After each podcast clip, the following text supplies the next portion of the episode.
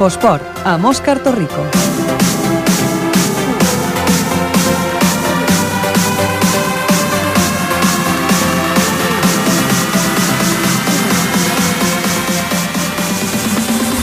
Molt bona tarda, benvinguts a l'Infoesport, el programa dels esports aquí a Ripollet Ràdio. Un dilluns més estem aquí per explicar-vos doncs, el que ha donat de si al cap de setmana pel que fa a l'esport de- d'equip i individual aquí a la nostra vila, a Ripollet. Com sempre, començarem amb el repàs dels marcadors, però no marxeu perquè després doncs, us explicarem moltes coses de diferents esports. Parlem de futbol sala, de bàsquet, d'handbol, de futbol, d'atletisme i fins i tot d'hoquei. No marxeu, us explicarem moltes coses. Comencem, com sempre, amb el repàs dels marcadors. El marcador. I ho fem, i ho fem amb la nostra companya, la Mèriam Lara. Mèriam, bona tarda. Bona tarda, Òscar. Començarem pel tenis taula. A la categoria masculina de primera divisió nacional, Termotur Calella 3, tenis taula Ripollet 4. No hi ha qui aturi els ripolletens, que sumen 16 victòries consecutives al campionat de Lliga. Els ripolletens, però, van haver de jugar-se el triomf en el desempat, després de tenir un 3 a 1 a favor al marcador. Miquel i Raül van evitar així que arribés la primera derrota de la temporada i l'equip es manté com a líder invicte. Descans per al primer equip femení. Futbol, segona catalana, masculina, Club de Futbol Ripollet 3, Catalònia 1. Dos gols de Gascon i un altre de Serrano, aquest a 3 minuts del final va donar el tercer triomf consecutiu. Els ripolletens se situen així a la quarta plaça i es mantenen a 3 punts de la plaça de promoció d'ascens. Seguim en futbol, baixem a la tercera catalana masculina, Cerdanyola B1, Penya Deportiva Pajaril 1. Minuesa va avançar els ripolletens a l'inici de la segona meitat, però l'equip veí va empatar molt ràpid. El Pajaril no acaba de, de trobar la regularitat com a visitant. Ha tret 4 punts en els últims 4 partits a domicili. L'equip, però, es manté a la tercera plaça, però ara a 3 punts del segon. I també a la tercera catalana masculina, Call d'Atenes 4, Escola Futbol Base Ripollet 0. L'equip entrenat per Guillermo Andrés va, va patir la major, gola, ma- major gola, golejada en contra aquest, aquesta temporada. Els ripolletens segueixen fluixos com a visitants i ja sumen 8 partits seguits fora de casa sense guanyar. En menys de 50 minuts de partit ja havien rebut els 4 gols de la derrota, que els va, baix, va, es va baixar a la decena posició. Anem amb la quarta catalana del futbol, Associació L'Amis- L'Amistat 3, Camp Mas Ripollet 0. El primer quart d'hora del segon temps va, fer, va ser nefast per al Can Mas, que va encaixar 3 gols en 8 minuts. Els ripolletens sumaven així la quarta derrota consecutiva com a visitants i se situen descens a la classificació. I en futbol anem ara cap a l'àmbit femení, a la segona catalana, Sant Feliu de Codines 2, Club de Futbol Ripollet Femení 3. Les ripolletenques es van sobreposar a, a un 2 a 0 en contra i van remuntar merescudament a la segona meitat amb els gols de Càtia, Judit i Patrícia. Aquests dos últims en els darrers 10 minuts del partit. El Ripollet femení abandona així la última plaça del campionat. Seguim a la, seguim a la segona catalana femenina, Escola Futbol Base Ripollet Femení 2, Lourdes B 2. En només 10 jugadores sobre el camp al llarg de tot el partit, les ripolletenques van sumar un punt, i així que el rival es va avançar en dues ocasions al marcador, però Miriam i Nereida van igualar el resultat. L'equip es manté a la penúltima posició. Deixem el futbol, anem cap al futbol sala, segona divisió B nacional, Natació Sabadell 4, Ripollet Futbol Sala 5. Els ripolletens es resisteixen a deixar passar l'ocasió del- de poder lluitar per entrar a la Copa del Rei. Amb la victòria a la pista del CUE, el conjunt entrenat per Nico Seo- Seoane es col·loca sisè i re redueix a 4 els punts de desavantatge sobre el tercer lloc de la classificació, que dona accés al torneig del CAO. A la tercera divisió nacional del futbol sala, Ripollet Futbol Sala B 7, Manlleu 3. El segon equip del Ripollet Futbol Sala va sortir molt endollat a l'inici de totes dues parts. Dos gols en tres primers minuts de cada meitat van sentenciar el Manlleu, a qui els ripolletens entreguen, entreguen la darrera posició del campionat. La salvació de, de categoria està, però, molt complicada, perquè l'equip només suma 7 punts en 20 partits. Tercera divisió catalana de futbol sala masculí, Can Mas Futsal Ripollet 2, Franciscan Sabadell 1. L'equip ripolletenc es va posar segon a la classificació, en treure-li aquesta plaça precisament al seu rival d'ahir. Dos gols de Sergio Molina en el segon temps van permetre jugar el setè triomf consecutiu al Can Mas i situar-se de nou en posició d'ascens. I en categoria femenina, divisió d'honor, futbol sala Ripollet femení 6, l'Hospitalet Vallesport 1. Les ripolletenques van protagoni- protagonitzar un nou recital de futbol sala i ho van fer amb una anotació coral. Fins a cinc jugadores van, marxar, ma- van marcar Carlota, Carolina, Lali, Begoña i Clara. L'equip, entrenat per Ivan Beas, es manté al liderat amb 9 punts d'avantatge sobre el segon. Ho deixem ara al futbol sala, anem cap a l'handbol, a la tercera catalana preferent, handbol Ripollet 32, Joventut Mataró 31. El Ripollet va tornar a vessar una victòria en un bon joc d'atac, aquesta vegada davant el tercer classificat de la Lliga, una de les millors defenses del campionat. En un, en un final d'infart, l'equip va sumar la novena victòria de la temporada i es manté invicta a casa. A la classificació és setè, però amb, molts, poc, amb molts poques opcions de lluitar per l'ascens. I per acabar el repàs dels marcadors ho farem amb els resultats del bàsquet. Comencem amb l'apartat masculí. A la primera catalana, Club Bàsquet Ripollet 74, Safra Calaró 58 el líder va sortir derrotat de la pista del Ripollet, que es, que es va sobreposar amb solvència després de dues derrotes seguides. La tornada d'Albert Ortega va esperonar l'equip, que va sentenciar el rival des de la línia de triples, després d'una primera meitat igualada. Els ripolletens són 600. A la tercera catalana masculina del bàsquet, bàsquet Ripollet B 75, bàsquet Laiata 64. Quarta victòria seguida per al segon equip del bàsquet Ripollet, que vol lluitar per una posició a la fase d'ascens. Va superar amb, amb redat el penúltim classificat i es manté cinquens a només una victòria de distància del quart classificat. I a la territorial de Barcelona masculina, bàsquet Ripollet C 92, bàsquet Vila de Cavalls 98 en un partit on les defenses van, ser, van estar molt i molt toves, el Vila de Cavalls es van portar el gat a l'aigua en l'intercanvi constant de canastes. L'equip ripolletenc perd així la tercera plaça i ara és quart, amb 14 triomfs i 18 partits. Tanquem el bàsquet masculí amb el resultat també de territorial de Barcelona, bàsquet Gassó Ripollet 68, Sant Llorenç Savall 47. El Gassó va aprofitar la visita del coer de la, de la categoria per sumar la seva quarta victòria en 19 partits. L'equip no va tenir problemes per manar el marcador des de bon principi i guanyar una plaça. Ara és l'avantpenúltim.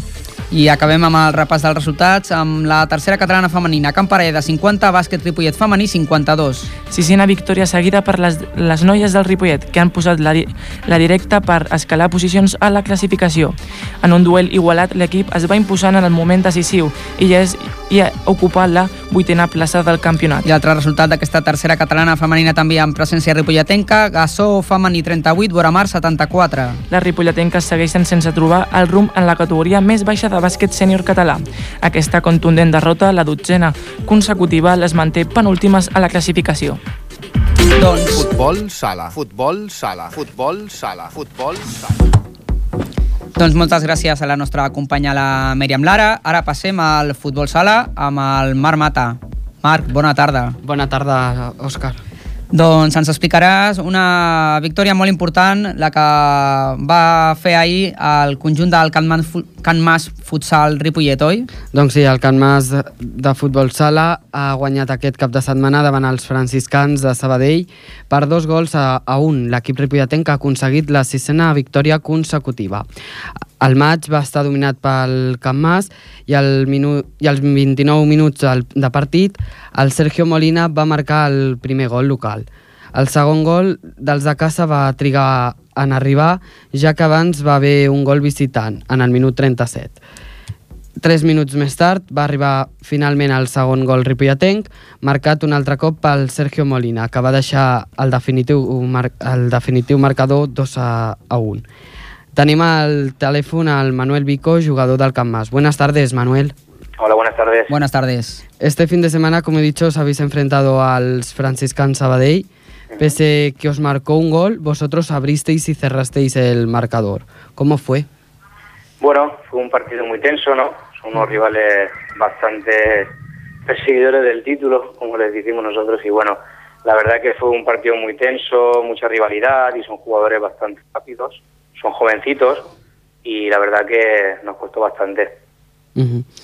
Los dos goles, como he dicho, fueron de Sergio Molina. Pese a estos dos goles, eh, fue un partido no complicado. Sí, fue un partido complicado, la verdad que sí, porque, bueno, como he dicho, fue bastante tenso, porque ellos nos tienen bastante medido y, bueno, nos han venido a ver, nos conocen y, de hecho, cambiaron el tipo de juego que ellos venían haciendo para contrarrestarnos a nosotros, les pudo funcionar hasta que bueno nuestro entrenador se dio cuenta y bueno pues fue más equilibrado. Pero la verdad que nos costó bastante. Mm, ya es la sexta victoria consecutiva, supongo que estaréis contentos con estos buenos resultados. Sí, estamos muy contentos. La verdad que el trabajo tiene su fruto y, cada día pues bueno se acerca más el objetivo.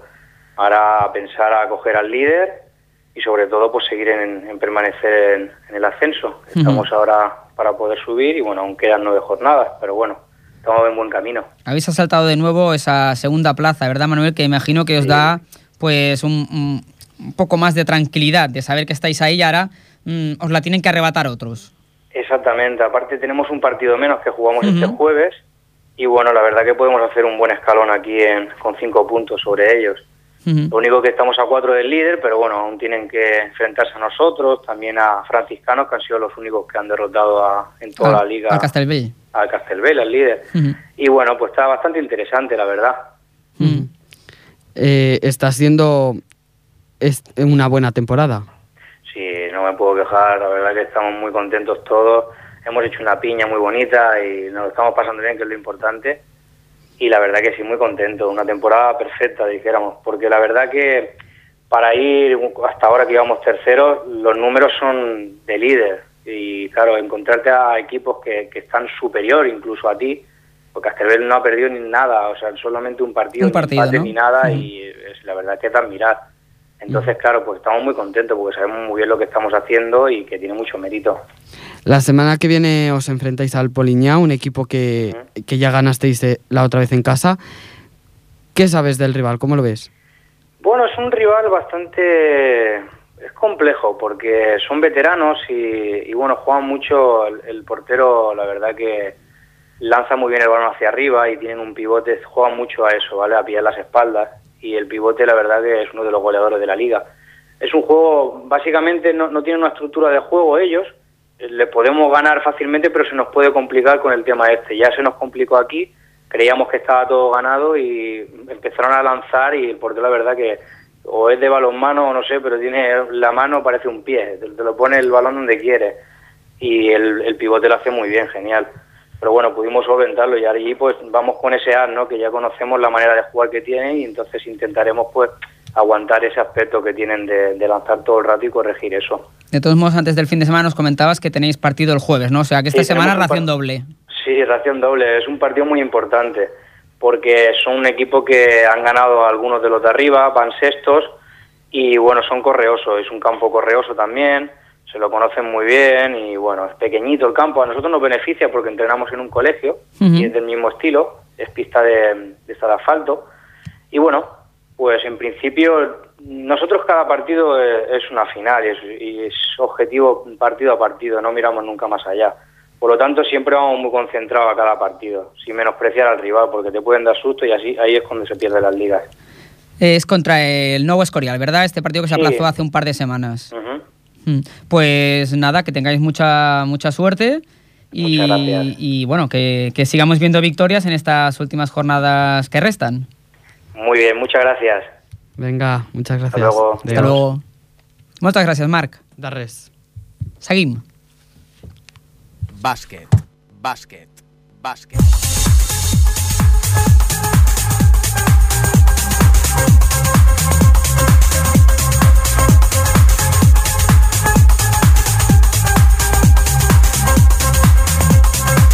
Doncs ja tenim d'aquí de nou a la nostra companya, la Mèriam Lara, una altra vegada. Mèriam, Bona tarda. que ens parlarà de bàsquet. Ens parles molt de bàsquet aquesta tarda. Sí, primer comencem amb el masculí, amb el, el primer equip. Ahir el Del Club, Club Bàsquet Ripollet. Exacte, el Club Bàsquet Ripollet es va enfrontar a l'equip líder de primera catalana, el Sagrada Família Claró.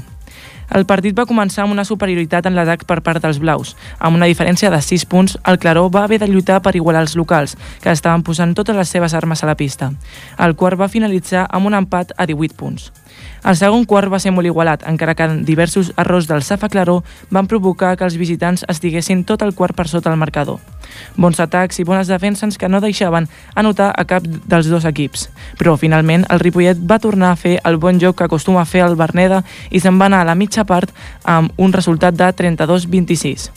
Els visitants van sortir a la pista a reduir aquesta petita diferència que els allunyava dels ripolletencs, però aquests van saber com di distanciar-se. Dos triplets seguits per part d'Ortega i diversos bons atacs per part de l'equip van acabar sentenciant el tercer quart 49-35. La diferència de punts era un element negatiu pels del Claró, però no van baixar els braços i gràcies a la bona defensa que van fer van poder reduir la diferència fins als 7 punts. Els blaus va, van voler eh, tirar el gran partit, no van voler tirar el gran partit que estaven fent i van millorar notablement la defensa. Els bons contraatacs i l'esplèndid joc en estàtic van fer caure el líder amb un resultat final de 74-58. Hem estat parlant amb Antonio Quirós, jugador del Club Bàsquet Ripollet. Bueno, va ser un partit important, no? Jugàvem contra, contra els líders, que només hem perdut dos partits, i no era un partit fàcil. A més veníem de, de perdre dos partits seguits contra rivals a priori fàcils, bueno, més fàcils que aquest, i, i era una mica doncs, veure on, on volíem estar no? al final de temporada. Si perdíem aquest partit, se'ns complicava molt el, el tema de l'ascens Llavors era com bueno, una prova per, per nosaltres per veure d'aquí final de temporada que, a on volíem estar i per què volíem lluitar.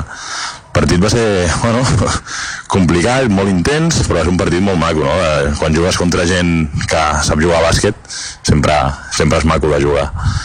I real, molt contents tots. Uh, L'equip va sortir molt enxufat des del principi, vam aconseguir un avantatge al principi i amb això vam poder jugar més tranquils la resta del partit. Vam arribar a guanyar gairebé de 20 punts, però bueno, aquesta gent ho feia molt bé i ens van recuperar punts, bueno, vam arribar a ficar a 6 punts a l'últim quart, però vam tornar a apretar una miqueta en defensa i, i vam poder marxar i vam aconseguir una victòria molt, molt, molt important. Bueno, com, com et deia, no? aquesta victòria és, és molt important, més que res perquè vam començar l'any eh, guanyant el segon i el tercer de més de 20 punts, amb una dinàmica molt, molt, molt bona de resultats i de, i de joc, i havíem entrat en els dos últims partits de, de no jugar tan bé, d'un ritme molt baix, d'intensitat, i, i de cara a final de temporada doncs, sempre dona moral no? Un, guanyar un partit d'aquest amb gent de qualitat això doncs, ens ha de, de, de servir per que aquests últims, últims partits de, de la temporada jugar-los a la mateixa intensitat i veure que podem guanyar qualsevol però sempre i quan juguem amb intensitat i respecte a l'ascens, doncs, bueno, és un tema, és difícil, no?, perquè estem en una categoria que, que és complicada i que hi ha molta gent que, que ho fa bé. A més, som set equips que tenim opcions, agafar els primers ja és, és impossible, però, bueno, segons i tercers, últimament, bueno, tenim el bàsquet de Vallès guanyat i, a més, estan punxant, i aquests últims partits sempre hi ha sorpreses. L'últim partit de temporada la gent de baix també juga molt, estan jugant a la salvació i hi haurà sorpreses. Nosaltres doncs, hem de fer la nostra feina, hem de guanyar. I si fem les coses com les hem de fer estarem allà, estarem lluitant per, per poder pujar a objectiu, no en tenim no és un objectiu principi de temporada era veure on podíem estar i intentar arribar a final de temporada amb, amb, amb les opcions de, de lluitar-ho. Si al final s'aconsegueix doncs serà una fita molt bona però no és un, un objectiu que es marcava en principi de temporada a partir d'ara, doncs, bueno, es queden 8 partits, jugar cadascun amb la mateixa intensitat que aquest últim i, i deixar de, de tenir partits amb pajarats com les que he tingut les dues últimes setmanes, més que res per, per sensacions pròpies, no? És a dir, podem perdre un partit però no, no donant la sensació que havíem donat a, a aquestes últimes setmanes. Aquest cap de setmana juguen fora de casa contra el bàsquet Pia Sabadell, equip novè a la classificació. Doncs esperem que, que continuïn amb una bona línia després de les dues últimes derrotes. L'equip ha reaccionat, ho ha fet davant de, del líder i esperem doncs, que pugui acabar com a mínim aquesta quarta plaça que li donaria al final de temporada doncs, opció a, la, a disputar la, la fase d'ascens. Parlem ara del femení, del Club Bàsquet Ripollet femení, Mèriam. Exacte, nova victòria del sènior femení del Ripollet. L'equip d'Albert Ortega i Antonio Quirós continua invicta després de sis partits aquest, aquesta vegada contra el Camparellada. El partit ha estat molt igualat des del principi. Les ripolletenques van començar guanyant amb una diferència que variava entre els 4 i 8 punts, però les del Camparellada van saber utilitzar a les seves bones jugadores per reduir la distància. En el segon quart, les del Ripollet van començar amb forces de no perdre la bona ratxa que portaven i van seguir mantenint la distància amb les locals. Les del Camparellada van saber trencar la defensa de les blaves amb diversos contraatacs que van sentenciar-les, anant-se'n al descans per damunt el marcador, amb un resultat de 25-23. El, comen el començament després de la mitja part va ser de les del Ripollet, que van marxar de 4 punts, però les locals no van perdre l'esperança de poder guanyar el partit i van remuntar aquest resultat, deixant a les blaves a 6, a 6 punts per sota. El quart quart va ser molt igualat. Tots dos equips van fer molt bon joc, contraatacs i bones defenses que no deixaven a cap dels dos equips marxar al marcador. L'empat va ser el protagonista dels últims minuts.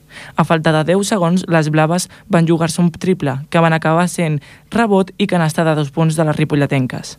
A falta de dos segons per acabar, el camp parellada es va voler jugar un triple que no van ficar.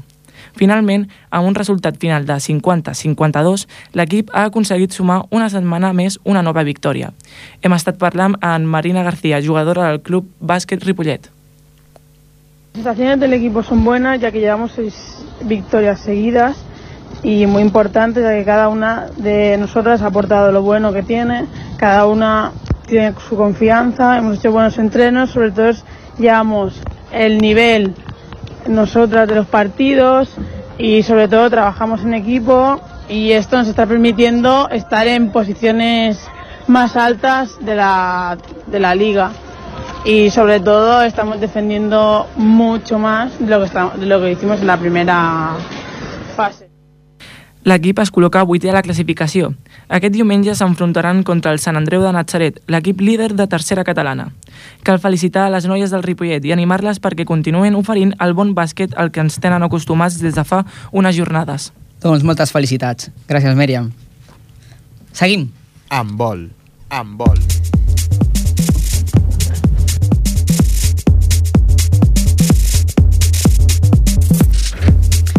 Continuem aquí a l'Infoesport. Uh, són les 7 i 28 minuts de la, de la tarda i estem amb el nostre company, el Ferran Rigat, que ens parlarà d'handbol. Bona tarda, Ferran. Bona tarda, Òscar. Així és, com ja heu comentat en el resum dels resultats, l'handbol Ripollet es va fer amb la victòria per 32 a 31 davant del Club Joventut Handbol Mataró. Una victòria agònica per seguir mirant cap amunt, podríem titular el partit. Uh -huh. El diumenge va ser un dia molt important per al Club Handbol Ripollet després d'emportar-se una victòria molt treballada davant del tercer classificat. L'equip ha mostrat una versió millorada amb un equip més tranquil i que va madurant mentre la competició avança. Uh -huh. Els primers compassos han recordat el principi del partit de la primera volta per les alternances en el marcador i els dos equips igual d'endollats. Però a poc a poc els ripolletens s'han anat distanciant amb un molt bon treball de la primera línia, que han variat jugades ben elaborades, d'associació amb jugades personals, a més de mostrar pocs errors eh, com en els partits anteriors es anaven vivint. Gràcies a aquest esforç, el partit ha, eh, ha arribat a la mitja part amb el marcador 19 a 16. La segona part s'ha iniciat amb encara millors sensacions, un Mataró molt més nerviós, juntament amb una superba actuació del porter Xavi Ayala, ha fet que al, quart d'hora d'aquest partit l'equip local es veiés amb 8 gols d'avantatge. Però en els 10 últims minuts eh, els jugadors han semblat agafar vertigen. Els visitants han aconseguit desfer l'avantatge i jugar amb els nervis dels ripolletens. Tot i així, els jugadors de Santillop no eh, es va, s'han deixat acobardir ni superar i amb un altre final d'infart eh, es van aconseguir dos punts d'or. Aquesta victòria reforça l'equip en la zona de playoff i l'apropa al Garbí i el Cerdanyola amb només 3 punts de diferència. A més, segueix la ratja imbatible de l'equip a casa, on només s'han cedit dos punts amb dos, amb dos empats. La propera jornada l'equip visita l'Igualada, empatat amb el Vic a la primera posició i amb algunes amb alguns jugadors que no podran veure per, veure's per lesió o temes personals, però té bona pinta després d'aconseguir l'empat amb el Vic, que era, com ja he comentat, el primer, i aquesta victòria amb el Mataró, que és el tercer. Uh -huh. Per parlar una mica més d'aquest partit important tenim el capità, l'Adrià Jordana. Bona tarda, Adrià. Bona tarda, Ferran. Uh, partit importantíssim. Uh, dos punts amb un equip que està per sobre, uh, reforçant una mica més això de que Joan Creus no es perd, i com ja he comentat amb una mica de, mostrant que també se sap guanyar en aquest equip. Com, com valores aquesta victòria? Doncs, com tu dius, una victòria bastant important, la veritat, perquè portem una segona volta que és una miqueta més fluixa que la primera, i era molt important guanyar aquesta setmana. Però portàvem, continuem amb la mala ratxa de, victòria, de derrotes fora de casa, i aquí, el Joan Creus, com tu dius, portàvem dos empats consecutius i era hora de tornar a guanyar un altre cop per continuar sumant i que no ens apropin els equips que van per baix i mantenir la setena posició que ens manté en zona de playoff. Uh -huh. uh, l'equip semblava anar una mica a ratxes. És, és, el, és la gràcia una mica d'aquest esport, de que a vegades un va més que l'altre, més fort. Però què creus que hauria de fer una mica l'equip per mantindre al mateix nivell tot el partit? Ara és complicat també. Com, com he comentat al en el resum del partit, ens van posar 8 gols de diferència amunt a la segona part, però clar, el Mataró també va demostrar que va tercer per alguna cosa. Uh -huh. I els últims 10 minuts, un quart, 10 minuts quart d'hora va començar a jugar millor del que havia jugat fins llavors, i quan defenen i quan ataquen bé, doncs són un equip per estar a la part alta de la classificació. Per això vam patir nosaltres. Però crec que vam fer un molt bon partit. La veritat, la primera part la vam aguantar molt bé i vam començar perfecte, la veritat. És que ens entrava Sí, sí, tot, sí. tot el que llançàvem era gol, i jo crec que la diferència va ser això. O sigui, Després es va notar que ells són un dels equips forts de la categoria i per això ens van remuntar els 8, 8 gols de diferència, però bueno, jo crec que hem de continuar amb aquesta línia i sobretot contra Igualada, que serà un partit molt complicat aquesta setmana. I entrava tot, però és que us, el, el, la superava quasi tot. Va ser un molt bon partit. Què significa aquest, aquest fitxatge que vau fer a principi de temporada? Ara, per nosaltres significa molt. La veritat, un porter és una garantia en un partit així igualat, la veritat. Però bueno, aquesta temporada els porters estan donant bastant la talla en tots els partits i estem contents amb el seu rendiment. I es nota, quan un porter para, es nota que és més fàcil guanyar. Però bueno, estem contents amb els, amb els porters que estan jugant amb nosaltres aquest any perquè estan en bon nivell, la veritat. Uh, el pròxim partit, ja ho has comentat, l'Igualada, mm, uh, igual està dalt de tot. Uh, tenim, teni, teniu baixes sensibles. Mm, com, com preveus aquest partit? serà un partit molt complicat. A l'Igualada al davant han empatat amb el Vic per alguna cosa, perquè juguen bé, són gent que eh, porten anys jugant bé i la veritat, a, a casa seva a sobre serà més complicat, ja que nosaltres fora no guanyem mai. No. Però bueno, esperem que a veure si, si podem continuar amb la bona dinàmica aquesta de joc que portem, podem fer un bon partit i com a mínim, si no podem guanyar, com a mínim rascar un punt que seria també important per mantindre's aquí setens. Sí, perquè uh, el, el setè lloc encara dona lloc a, a disputar el playoff. El Garbí el, es, sembla que està punxant bastant i eh, per darrere ve un Terrassa molt fort. Uh, encara queden unes quantes jornades, però mm, teniu, creieu que podreu acabar en aquesta posició dins del playoff? Ah, jo crec que sí, jo crec que sí. Un cop queden sis partits, em sembla només, i li portem vuit punts al, a l'últim de, diguem, dels que baixen, o sigui que la, la permanència la tenim gairebé assegurada, i ara és hora de mirar cap amunt. Ah, Un cop assolit la permanència hem de mirar cap amunt. I jo crec que sí, fins i tot podríem lluitar per no quedar setents, poder quedar 600 o atrapar algun més de de dalt.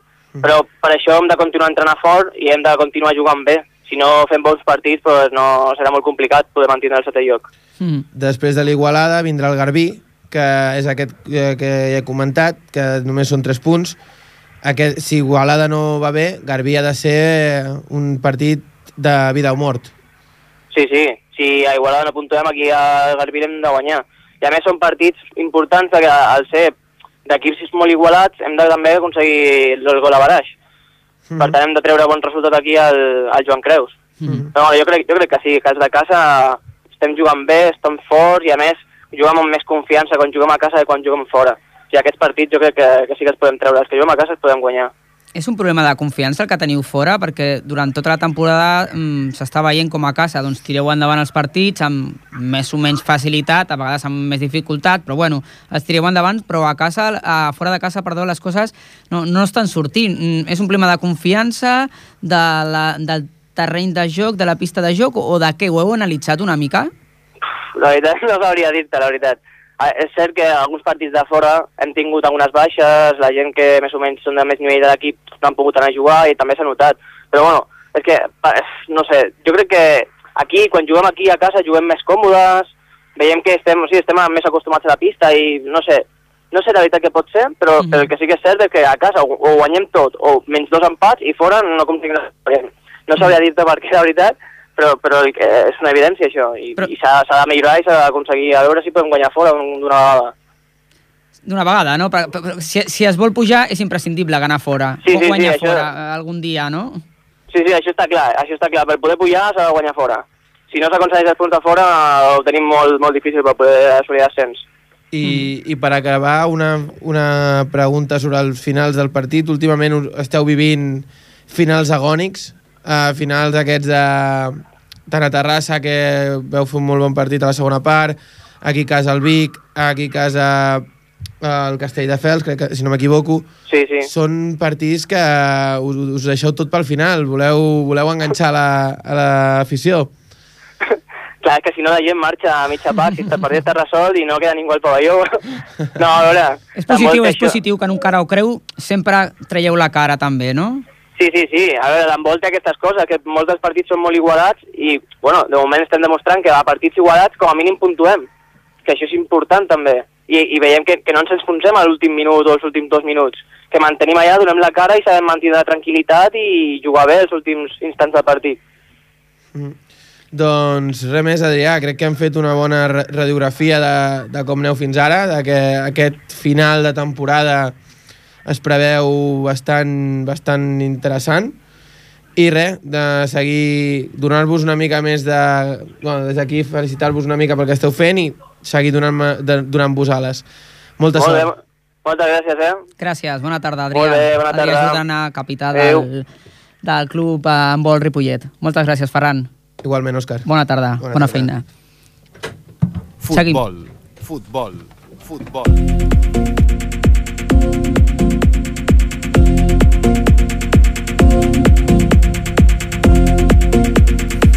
Són les 7.38 i tinc de nou al meu costat el company Marc Mata. Marc, bona tarda de nou. Bona tarda, Òscar. Que ara ens parla de futbol, del Club de Futbol Ripollet. Efectivament, el Ripollet guanya per segona vegada al Catalunya. Ahir diumenge al migdia, els ripolletens van jugar a casa un altre partit important. L'equip de Juan Carlos Torres, en un bon partit i amb unes grades que es varen omplir al segon temps, es van endur la victòria per 3 a 1. A la primera part del partit no hi havia molta afició a la graderia, ja que al mateix temps també jugava el Barça i a la Rambla hi havia el Ripostoc. La primera part del, del maig va estar dominada per l'equip local tota l'estona, amb un equip visitant tancat enrere. Després d'unes quantes oportunitats, als 11 minuts de l'encontre, els ripolletens van aconseguir el primer gol marcat pel David Gascon. Les ocasions de gol van continuar i es van començar a veure unes quantes faltes per part d'amb dos equips. En el minut 28 va haver un xoc entre el, el porter i un jugador visitant, però en un error arbitral aquest li va, li va treure targeta groga al Javier Sanguina.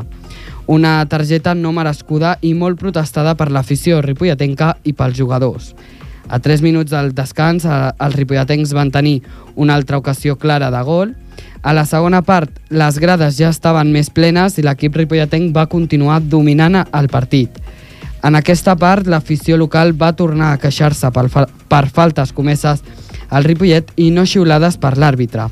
Als 10 minuts de la segona part, el David Gascon va fer canviar el marcador, marcant el segon gol ripolletenc en una jugada individual. Després d'aquest gol, els visitants es van obrir i van sorgir les ocasions de gol. 10 minuts després el, del segon gol ripolletenc, el Catalunya va marcar el primer gol entrant en el partit. Des d'aquell moment la tensió va anar-hi a més i ni els ripolletens volien perdre pistonada ni els, ni els barcelonins tampoc. A 10 minuts d'acabar el partit la tensió va ser màxima cap als dos a, cap, cap dels dos equips aconseguia marcar un altre gol però a 3 minuts abans del final l'Ivan Serrano va sumar un gol més per l'equip local. Un gol que sentenciava del, el maig i assegurava tres, els 3 punts als de casa. Al final del partit, el Fran Folk, jugador del Ripollet, va parlar pels micròfons de Ripollet Ràdio. L'escoltem. Lleváis tres partidos seguidos ganados. Eh, la vuelta os está yendo mejor, ¿no? Sí, yo creo que sí, que estamos sacando buenos resultados y de cara a final de temporada nos va a venir muy bien estos tres partidos seguidos. Hoy le habéis ganado al Cataluña, un equipo con el que también ganasteis en su casa. ¿Os es más fácil ganar en casa? Pero yo creo que sí, ¿no? En, en casa con la afición y, y todo a favor, siempre es más fácil ganar. Hemos visto que el partido estaba dominado por vosotros. Eh, Después ellos parecía que ibais a ganar y ellos no se iban a marcar ningún gol, pero después de vuestro segundo gol, ellos han marcado el primero. ¿Cómo lo has visto? Sí, bueno, es nuestro estilo de juego, tener la pelota, dominar el partido y bueno, el suyo es salir a la contra. Bueno, parecía que está controlado, pero esto es el fútbol y todo puede ocurrir. En la, ya casi 10 minutos eh, de- del final del partido hemos visto que ha habido más tensión ¿no? en el campo.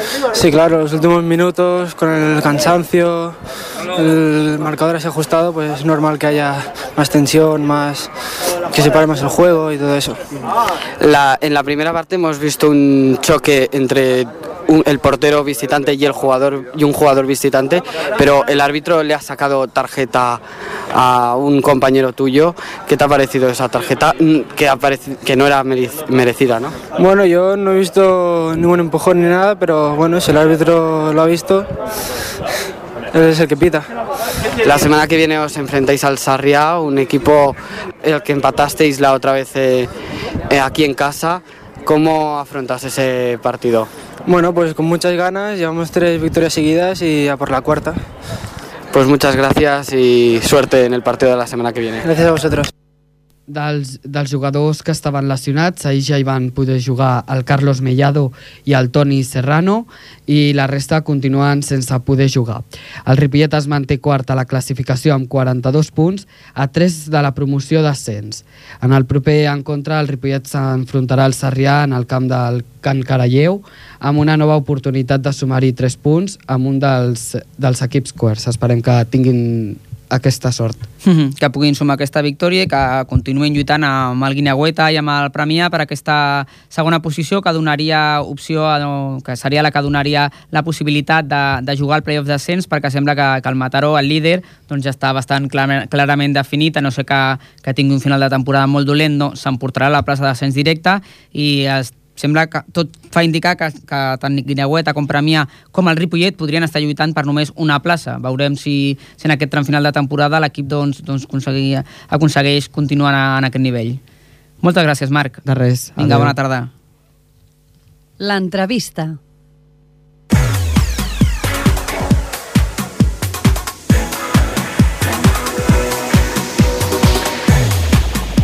Doncs ara volem parlar amb un dels protagonistes ripolletens del cap de setmana.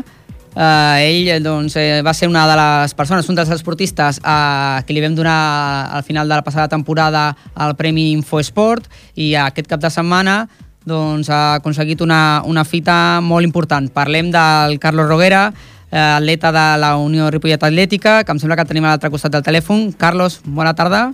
Hola, bona tarda. Carlos Roguera, campió d'Espanya de 800 metres eh, masculí en categoria júnior en pista coberta. Quin mèrit, eh?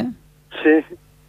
Eh, què, eh, què vas sentir? Eh, doncs, eh, aconseguir un títol d'Espanya. No sé si era el teu primer títol d'Espanya Sí. i com, com, com ho has viscut?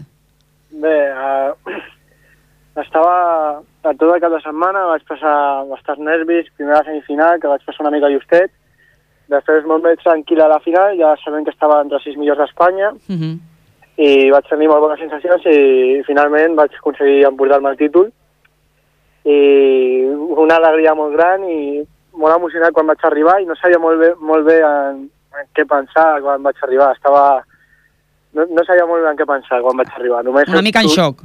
Sí, només podia mirar el meu entrenador i el mirava i li deia que tot era gràcies a ell i el mirava també als meus pares que van estar allà a València animant-me. Uh -huh. Doncs eh, de les semifinals vas entrar doncs, gairebé fregant, eh? en per temps i amb l'últim temps que va, que va entrar a la final.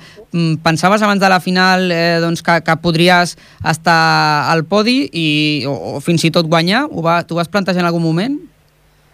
Sí, jo arribava al campionat amb el millor temps d'Espanya, però tot i això, al 800, arribaven tots amb molt bon temps, molt justos, i sabia que això no, era, no volia dir res, però sabia que tenia possibilitat de guanyar, però i això em sembla que em va jugar una mica una mala passada a la semifinal, perquè vaig sortir mm. molt nerviós, i fins l'última volta no em vaig acabar de trobar bé, i per això vaig tenir algunes dificultats, i a la final ja sí que no pensava en, potser en guanyar, perquè sabia que tenia rivals molt difícils, però sabia que est- estar al podi era factible i si sortia una bona cursa fins i tot guanyar era una opció. Mm, potser I- a, la, a les semifinals la pressió una mica de portar aquest millor temps eh, et va passar una mica factura.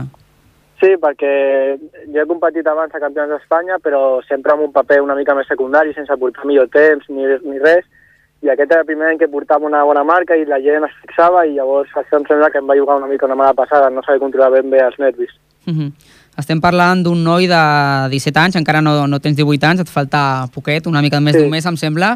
Sí. Eh, com, com ho fa un noi de, de 17 anys per compatibilitzar la seva vida, els estudis, amb eh, els amics, el temps d'oci, amb, amb l'atletisme, que crec que és una, doncs, una competició que, que et força bastant a, doncs, a estar doncs, molt pendent de, de l'activitat. Sí, bé, com porto fent atletisme des de ben petit, ja estic acostumat a portar els estudis i l'atletisme a la paral·lel. vegada.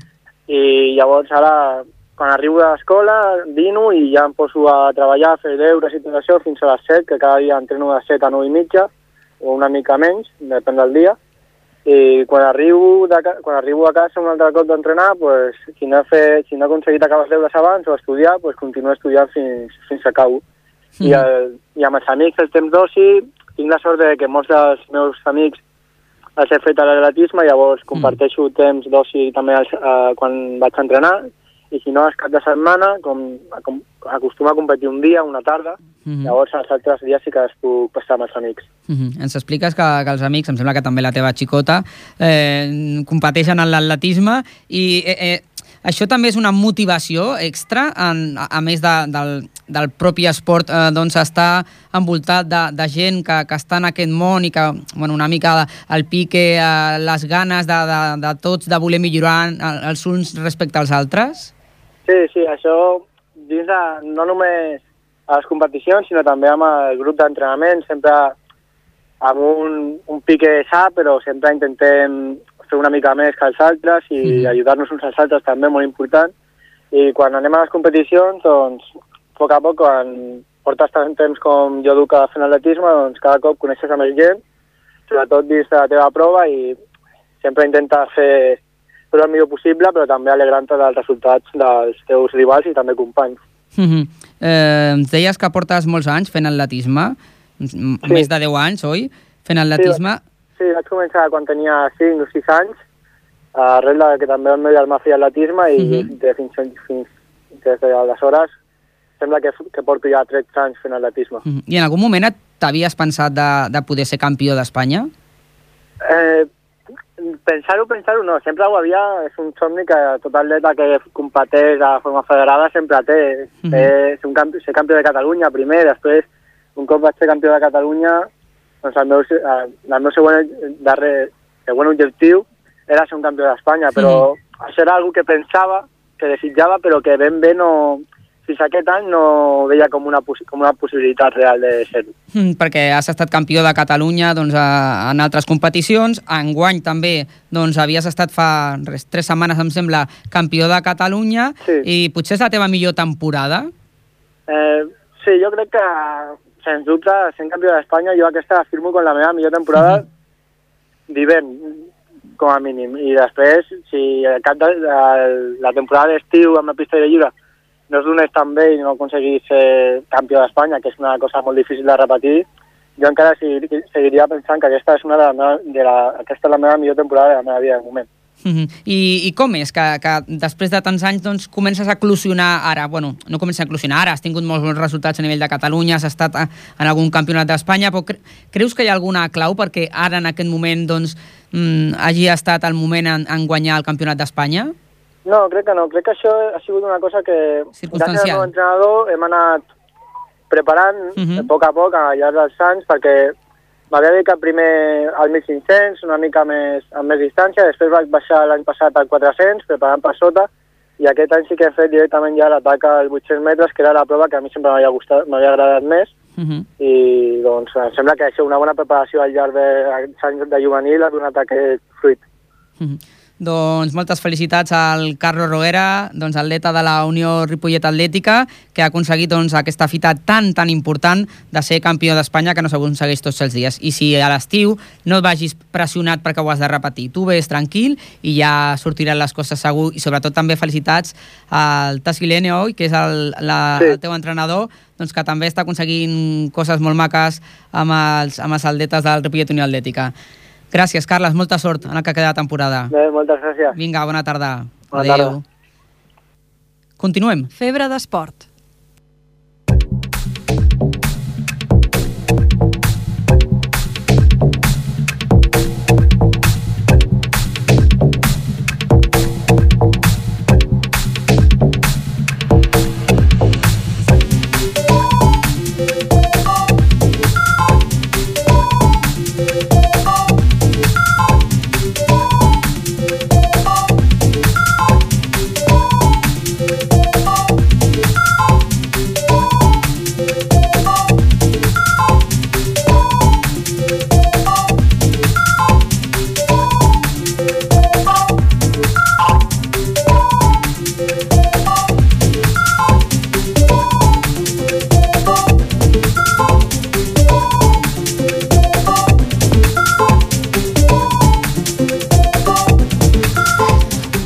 Sempre, com és habitual en el nostre programa, l'Infoesport, intentem acabar eh, compartint amb vosaltres doncs, la, com viuen l'activitat esportiva alguns joves esportistes d'aquí de, la, de la nostra ciutat. Avui tenim l'equip prebenjamí del club eh, hoquei Ripollet i amb ells ha vingut el nostre company, el Brian Calvo. Brian, bona tarda. Bona tarda, Òscar. Doncs sí, com has dit, els prebenjamins del Ripollet de hockey i els demanaria que un per un en, es presentin amb el seu nom. Fem la ronda ràpida. Uc. Joaquín. Lluís. Eduard. Iker. Biel. Oriol. Molt bé, ja els tenim aquí. Els 8 em sembla que tenim. He comptat? 2, 4, 6, 8. Molt bé. Brian. Doncs a l'Oriol, preguntar-li per què vas començar amb el hockey? Què, què et va motivar? Qui et va parlar del hockey? Pues quan era petit Sí? anava amb el meu avi Uh -huh. Al pavelló i sempre veia hockey. I, i et va agradar? Qu- Quan era petit, diu, eh? Quants anys tens ara? Vuit. Ara 8, eh? Quan era petit, què és? Quan tenies 3? Déu-n'hi-do. Sí, imagina. Eh, el... Iker. Biel. Biel, vale. El Biel, eh, ja saps patinar sense problemes o encara tens... No, no, ja patino bé, però em va costar més patinar que a, apre, aprendre a xutar. És més fàcil patinar que, que xutar. Sí. Tu creus que sí? Jo crec que sí. Controlar la pilota ja és petita, s'escapa una mica, no? Bueno, Vinga, seguim. Què, què és el que més t'agrada del hockey? pues entrenar. Apropa't al micro una mica. Entrenar, Entrenar, i com és això que t'agrada entrenar? Per què? Què feu? Perquè fem xuts i driblem el porter. I per, I per tu què és el, el, més, el que és més difícil? El que és més difícil és aixecar la bola i picar. Es necessita força, no? I tècnica. Continuem la ronda cap allà. Per què vas, vas mm, jugar a hockey i no a un altre esport com és... Normalment els nens volen ser més... Jo vull ser futbolista o al bàsquet. Per què vas decidir el hockey? Perquè un dia ens van donar un paperet al col·legi i a mi em vaig anar a provar i Mhm. em va agradar i ara estic en... Però tu tens una posició una mica diferent que els teus companys, Sí. eh? Perquè ets el porter, em sembla. Sí, I què? Com es porta això de que et vingui la, la, la bola, o no sé com li dieu? Uh, la bola li diem? Sí. Vinga. Doncs com es porta això de- d'haver de, de defensar la porteria? Però bueno, a vegades és difícil i a vegades és fàcil. I no t'agradaria provar... De, has provat de, de davanter o... Sí, però jo era molt dolent, no, no m'agradava entrar per la pilota. El que vol dir és que era millor de porter. Llavors, clar, doncs, si era millor de porter, doncs fa de porter. Vinga, seguim la ronda per allà. El nom, ja no me'n recordo els noms, eh? El teu nom? Lluís. Lluís. Molt bé, El Lluís. Lluís, eh, has provat algun esport a part del hockey? Eh, sí, Quin, quins has jugat? Eh, futbol i bàsquet. I quines diferències trobes? Eh, Mm, no, no, sé. sobre, sobretot la, el patinatge és, és, més, és més... Bueno, has, has après fàcil... Mm, bueno, he estat 4 anys patinant i després ja he tirat cap a hockey, perquè... O sigui que... O sigui que ja- vas començar a patinar i després va dir, doncs, m'agrada això de patinar, no? Tiro cap al hockey, que, que no és fàcil patinar. Ja hem parlat per aquí que no, que no, és, que no és fàcil patinar, no? A tu se't va donar bé des d'un principi. Bueno, sí. I després l'estic què? Perquè patinar està bé, però després de donar, agafar l'estic i intentar controlar la pilota, Més difícil. més difícil. Bueno, però déu nhi t'ha agradat i segueixes aquí, no? Con- Continuant intentant, doncs, millorar cada vegada. Sí. Anya, eh, el teu nom? Joaquín. El Joaquín, eh, quina posició jugues tu? Jo a defensa, Sí. però a vegades puc jugar a delanter. I què és el que t'agrada més? Eh, no, atacar, diplar, porter, xutar. Llavors a- parlarem amb l'entrenador ara perquè et posa de defensa si t'agrada tant atacar, perquè bueno, m'imagino també que no tots podeu atacar, perquè si no... Ja. Què, què ha de I dir l'entrenadora? I també defenso molt bé. L'entrenadora que es diu? Em dic Maria. Maria. Sí. Bueno, aviam, som molts nens, hi ha diverses posicions de delanter de defensa i l'únic que, clar, tots volen anar... Es pensen que tot és anar a marcar gol i volen anar tots a delanter, però bueno, jo crec que cada posició és molt important, no, no només és el simple fet d'estar davant i marcar gols, al darrere també ajuda molt el porter a parar els gols, Mhm. i bueno, com som un equip, ens acceptem, cadascú té les seves posicions, i com sempre diu ell, que moltes vegades sí que li dic, va, agafa la bola i ves tirant tu endavant. O sigui Mhm. que perquè acabem una mica de fer la ronda, ens queden dos. Eh, En un equip és important que tothom eh, ajudi, no? És igual d'important el davanter, el defensa, el porter, no? Com us porteu això de passar-vos la pilota per seguir jugant? Com ho porteu això? Tu ets el? Uc. Uc. I com ho porteu això de, de passar la pilota, de jugar una amb altra? Hi ha algun que es vol quedar la pilota sempre o no? No, anem fent passes fins que veiem un lloc i ja, ja podem tirar cap a la porteria. I com és això de... de, de és molt difícil mm, arribar al passe a, la, a una altra persona, donar-li un passe, perquè al futbol fiques un cop de peu i ja està, però amb això de l'estic em sembla que és una mica més complicat, no? Sí, és, és difícil perquè hi ha jugadors que, tal, que tallen el passe Mhm. Oh, hasta, i el tens que fer fort. ah, sí, estem acabant. El, el teu nom? L'última... I- Una altra vegada, no t'hem escoltat. Jana. Jana, com, ara sí. Com portes això de tot, tot l'equip de, de nois, tu només la noia, però encara que la- l'entrenadora també és, és noia. Tu com, com ho portes? Quina relació teniu? Us porteu bé o... Et passen la pilota, tu? Una mica. Sí, sí, no, no se la volen quedar entre ells, no, Maria? Luc és la germana, ai, la Jana és la germana de Luc. I llavors Mhm. la Jana juga amb l'equip femení del Ripollet. L'únic que als últims partits, com hem tingut el Biel lesionat, ens ha vingut a donar suport Ah. en els partits i bueno, estem molt contents de poder comptar amb ella i esperem que més endavant formi part del nostre equip. Bueno, doncs a veure si li agrada aquest conjunt. Ho hem de deixar aquí, se'ns acaba el temps, són les 7.59 minuts. Moltes gràcies a, a tots per venir, que, que seguiu gaudint de, de l'hoquei i, i res, que és el més important. Les victòries ja, si han d'arribar, arribaran, però sobretot disfruteu, gaudiu de l'esport, perquè, perquè per això està l'hoquei i la Maria per això està fent tanta feina. Moltes gràcies. gràcies. Bona tarda a tots. Gràcies a l'hoquei. Fins la propera setmana. Adeu.